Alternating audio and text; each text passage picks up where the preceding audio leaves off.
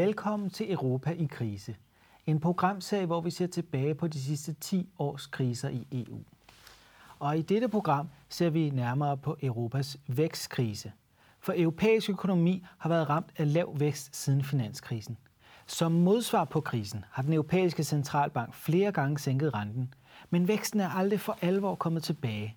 Hvad er baggrunden for vækstkrisen, og kan EU overkomme den? Eller er vækstkrisen en ny permanent tilstand i Europa? Det spørger mine to gæster om. Mit navn er Christian Folager. Velkommen til.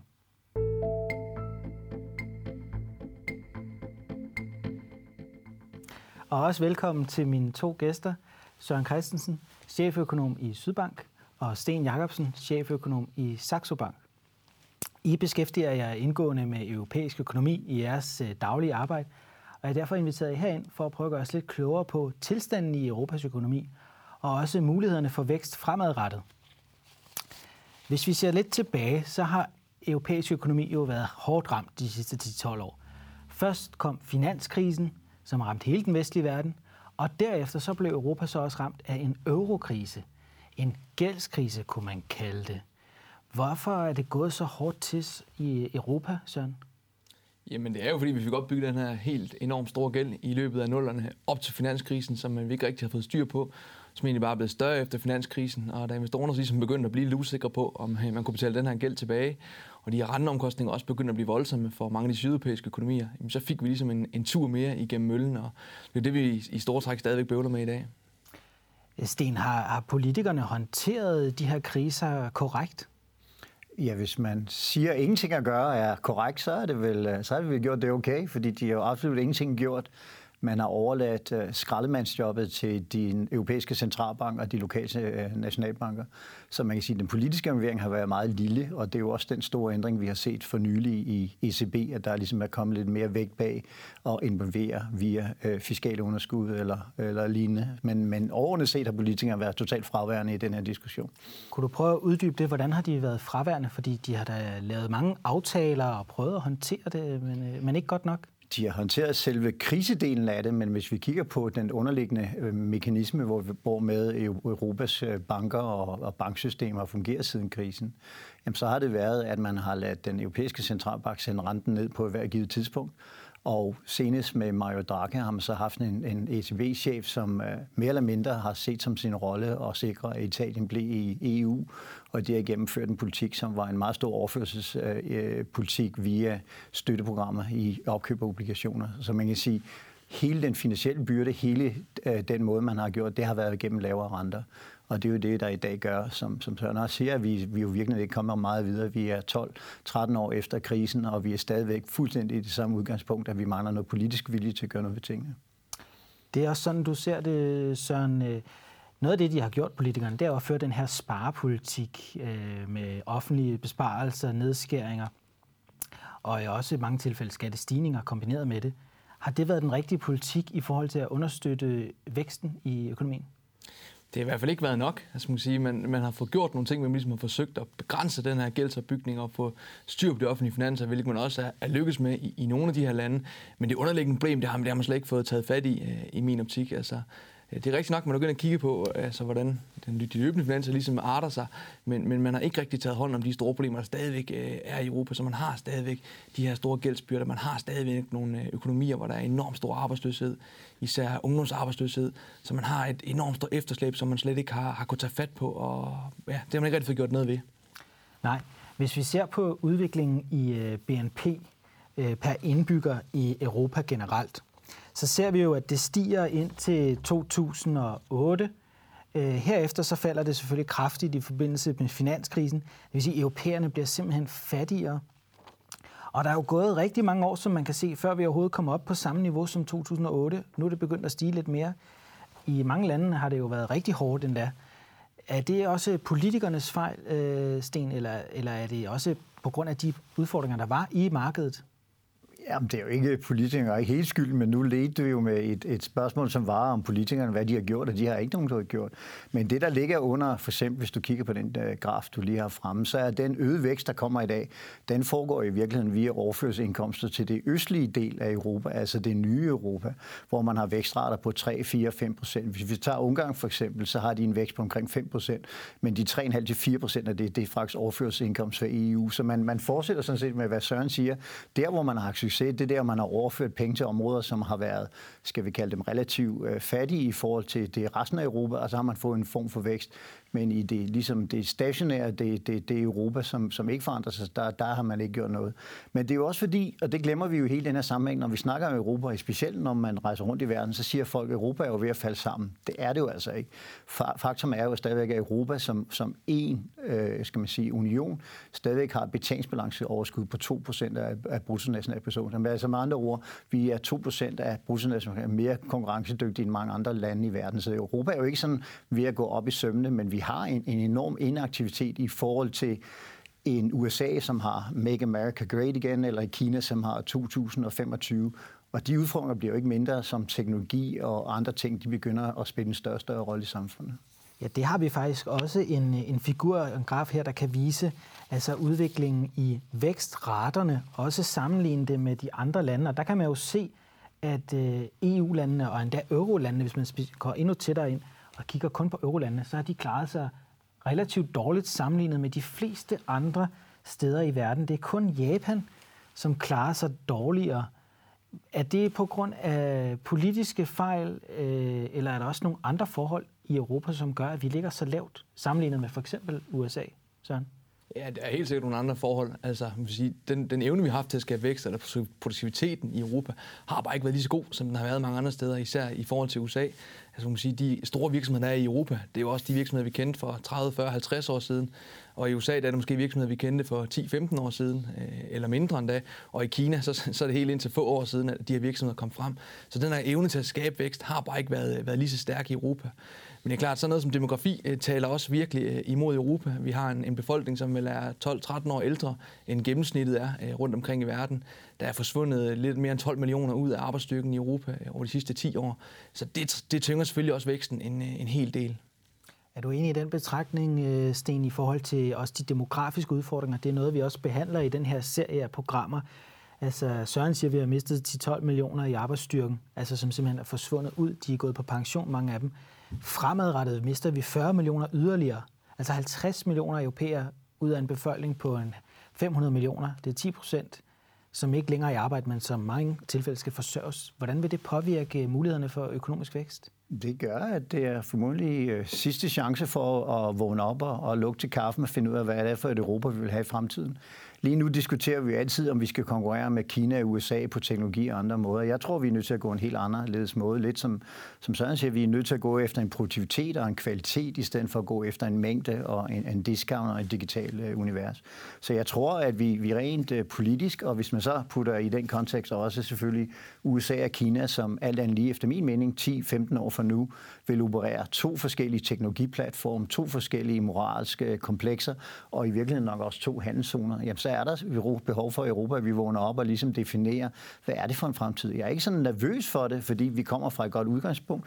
Vi har en gennemsnitlig veluddannet øh, arbejdsstyrke, men demografien er, er, gør, at øh, det her det bliver mere og mere aktuelt. Og hvis man rejser i Japan og i Østeuropa, så ser man det allerede. Lønstigningerne stiger marginal, eller ikke engang marginal, det stiger markant mere end, end produktiviteten, og det gør jo, at der er enormt øh, allerede i de her lande et inflationært pres i, i en verden, som jo mere eller mindre er tynget af deflation, så har du allerede i små lommer, hvor demografien er mere udtalt, end den er selv i, i, i Kerne-Europa og i Danmark, jamen der ser vi allerede et, et pres på, på lønningerne i de lande, så vi, vi står, det er fem minutter i 12 efter min mening for at definere den nye, skal vi sige, produktive Europa, og et, et Europa efter min mening, som skal være drevet af kvalitet, i stedet for at det skal være digitalt alting. Øh, kommissionen, Europakommissionen, er jo, der er kommet en ny Europakommission, de har fremlagt planer for de næste fem år. Og her er der også nogle initiativer til, hvordan man kan skabe økonomisk vækst. Det er sådan noget som støtte til små og mellemstore virksomheder. Det er øh, en bankunion, at de også inde på kunne hjælpe. Så vil man fuldt ud udnytte fleksibiliteten inden for det, man kalder stabilitets, vækst- og stabilitetspakten, som er de her budgetregler, der er i EU. Og så vil man også prøve at sikre bedre konkurrenceevne gennem vækstreformer og investeringer, som ikke står specificeret. Hvis I nu skulle komme med nogle råd til de europæiske politikere, hvad vil du rådgive dem til, Søren, hvis man skulle skabe vækst i Europa? Ja, jeg tror, at det er en rigtig god idé at kigge på de her øh, stabilitetsmekanismer og, og ligesom reglerne for vores finanspolitik. Øh, det kan godt være, at man ligesom skal, skal løsne dem en lille smule. Man skal bare gøre det på den rigtige måde. Så jeg tror, at et, en, en løsning kunne være ligesom at prøve at snakke med nogle af de her sydeuropæiske lande og finde en eller anden form for kompromis, hvor man kan løsne lidt øh, grebet omkring dem i form til finanspolitikken og give dem lidt mere spillerum, men samtidig stille nogle krav til, at man så skal have reformeret de her arbejdsmarkeder, og man skal have brugt nogle flere penge i både på uddannelse og forskning og sådan nogle ting. Så man får økonomierne til at ligne måske mere, som det gør i Tyskland eller Danmark. Øh, så på den måde ændrer strukturen i økonomien øh, mod, at de så kan få lov at bruge nogle flere penge.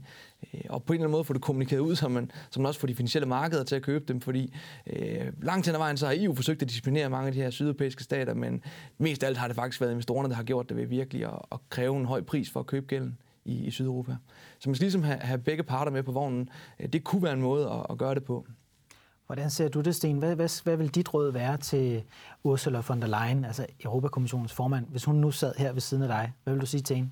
Hvad skal vi gøre? Jeg er helt sikker på, at hun aldrig nogensinde vil lytte til mig. Jeg har haft øh, mange øh, skal man sige, møder med politikere, men jeg har aldrig nogensinde blevet inviteret tilbage Nå, okay. to gange og møde den samme politiker, så jeg tror ikke, at den politiske verden sætter pris på, på, min, på min råd. Nej. Men, men jeg vil sige, alle de der øh, floskler, som du satte afsted med konkurrence, det eksisterede altså også i EU for fem år siden, og de femårsplaner lå fem, før ud for de sidste fem år. Altså Europa er nødt til at definere, hvad det er for et Europa, vi vil være i fremtiden. Og jeg tror, det der bliver den store mulighed for Europa, det er den her nye miljø- og klimaplatform, som er til stede.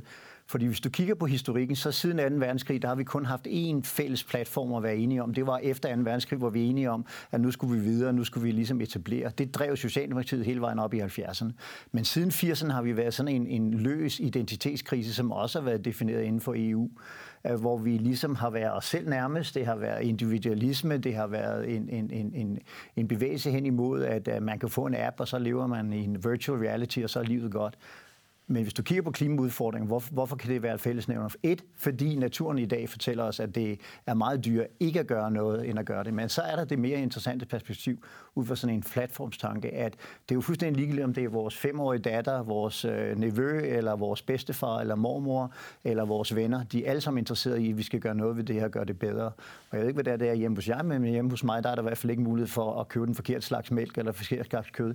Jeg står set den eneste i mit hus nu, der spiser oksekød for eksempel. Så så, så de der ændringer er der. Det er en platform, der er fælles, og når man skal skabe den forandring og den forandringsvillighed, som du snakker om, så er man nødt til at have det samme udgangspunkt. Man er nødt til at have noget, man er fælles om.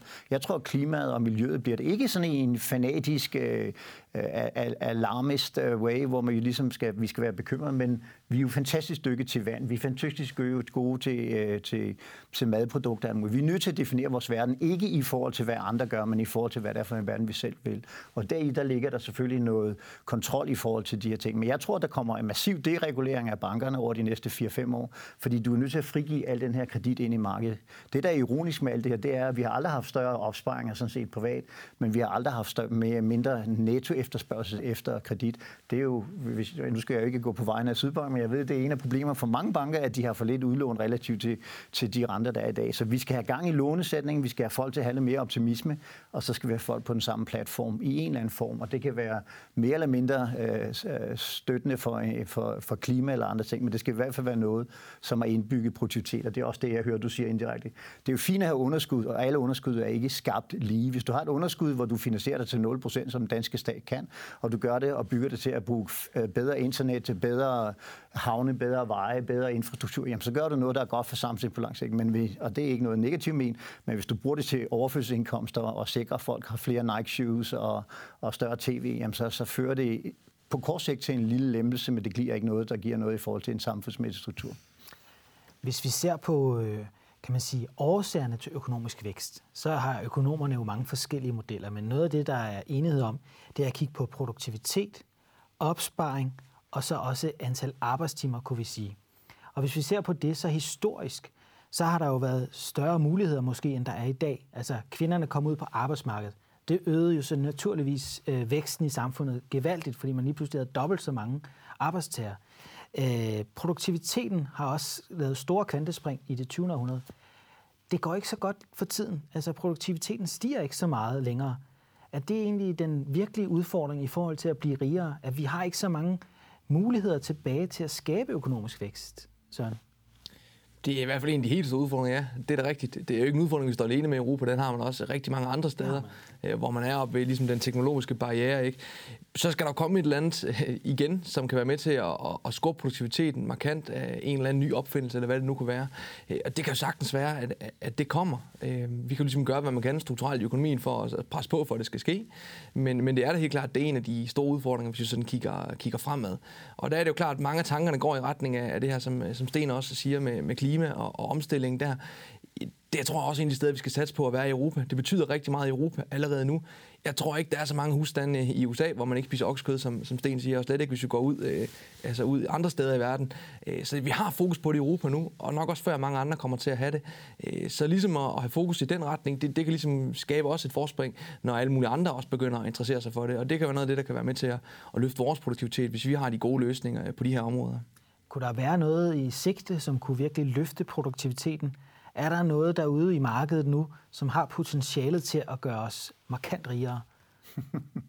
Mere sund fornuft og mindre mennesker tid brugt i uh, virtual uh, space og apps okay. vil være det, sådan, det nemme uh, lomme, lommeløsning på mange ting.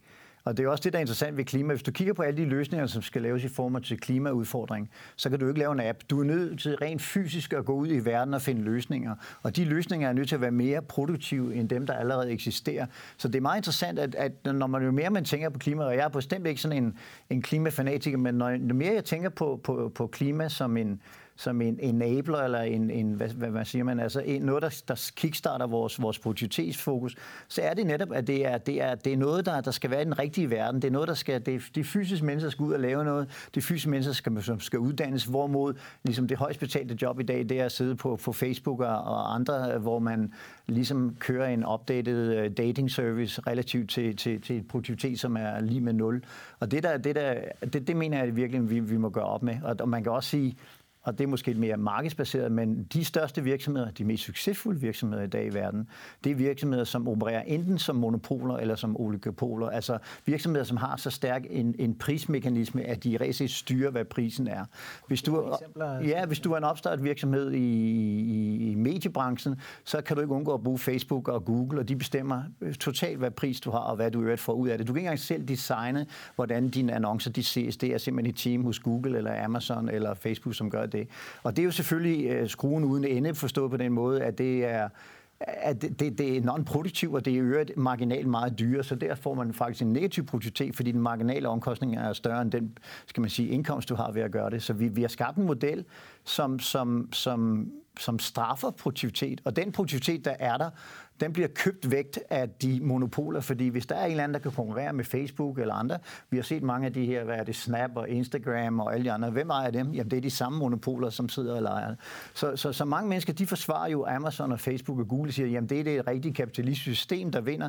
Det er det jo bare ikke, fordi hvis du kigger på et kapitalistisk system, så er det en fri adgang til markedet. Det er det, vi kalder price discovery. Altså at du kan gå ud i markedet og finde ud af, om det fjernsyn er dyrere end det fjernsyn, relativt det fjernsyn. Problemet er, at vi har skabt en verden, hvor alt bare koster det samme, og priserne er defineret. Så vi har, vi har nogle markedsmæssige øh, øh, problemer, vi har noget et øh, uddannelsesmæssigt problem, at vi ligesom vi, vi fokuserer på at lave programmører i stedet for at, at lave en, en bred baset øh, spektrum af, hvad vi har brug for i verden. Og så, så har vi en socialpolitik, som er drevet af, om folk får tv og Nike shoes, i stedet for, om de er del af samfundet og del af en platform og alt muligt andet. Så hvis, altså, løsning, hvad hedder det, øh, problemer er der nok i forhold til, til, til, til produktiviteten, men lad mig lige gå til, til kernen af de spørgsmål. Som økonomer, det vil jeg sige, nu, nu, der er jo kun én ting i virkeligheden i hele det der økonomiske ligning, vi laver, der har betydning, og det er produktiviteten. Alt andet er jo mean reversion, investeringer, opsparing, øh, betalingsbalanceoverskud netter til nul. Så det, det, det er jo paradoxalt, at vi stadigvæk render rundt og, væk, og måler GDP per capita eller bruttonationalprocentvækst, når det i virkeligheden det eneste, der driver et samfund fra en, en, en platform at være uforandret til, til, til, til faldende, til stigende, det er produktiviteten, og vi har nul fokus. Ja, vi har øh, produktivitetskommissioner, men med al respekt for de mennesker, der sidder der, så bliver det sådan noget tegne, tegne, tegneserieagtige øh, løsninger, der kommer ud af det.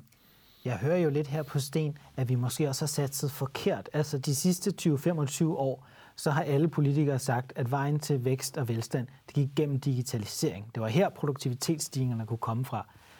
Deler du den øh, vurdering af, af digitaliseringens manglende potentiale fremadrettet, Søren? Er det, er det ikke der, det skal komme fra, væksten? Jeg tror nok sagtens, der kan komme nogle, nogle ting derfra, altså, øh, som, som kan gøre nogle ting bedre og, og nemmere for os i samfundet. Altså både med kunstig intelligens og altså det her med, med førerløse biler og sådan nogle ting.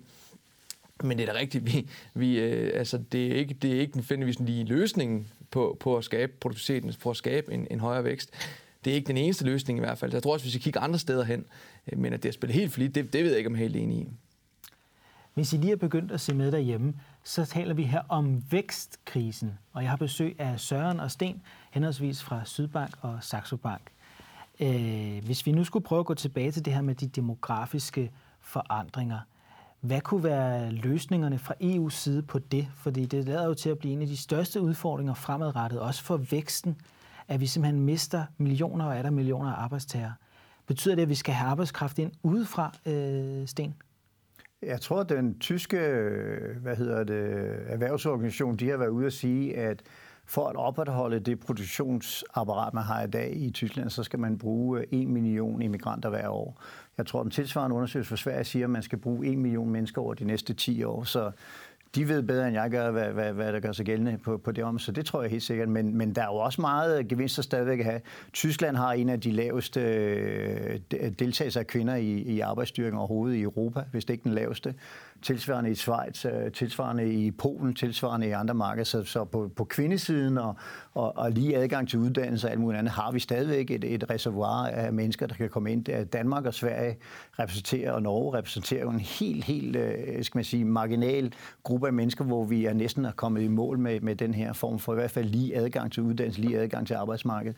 Men der sidder altså især, kan man sige, i de andre religioner, de ikke protestantiske religioner, der sidder der altså et, et lag, hvor vi stadigvæk kan få noget udbud, men, men men en kombination af immigration og kvinderne øh, mere i arbejde, og så en, en bredere, altså Danmark for eksempel har skudt sig selv i foden med den her, nu er den så ophævet med den her begrænsede uddannelse. Altså, hvor, hvor, hvorfor skal vi sidde og bestemme, hvor lang tid og hvor mange uddannelser folk skal have? Altså ultimativt set kommer alle de her unge mennesker til at betale masser af penge tilbage til samfundet gennem netop at være produktiv.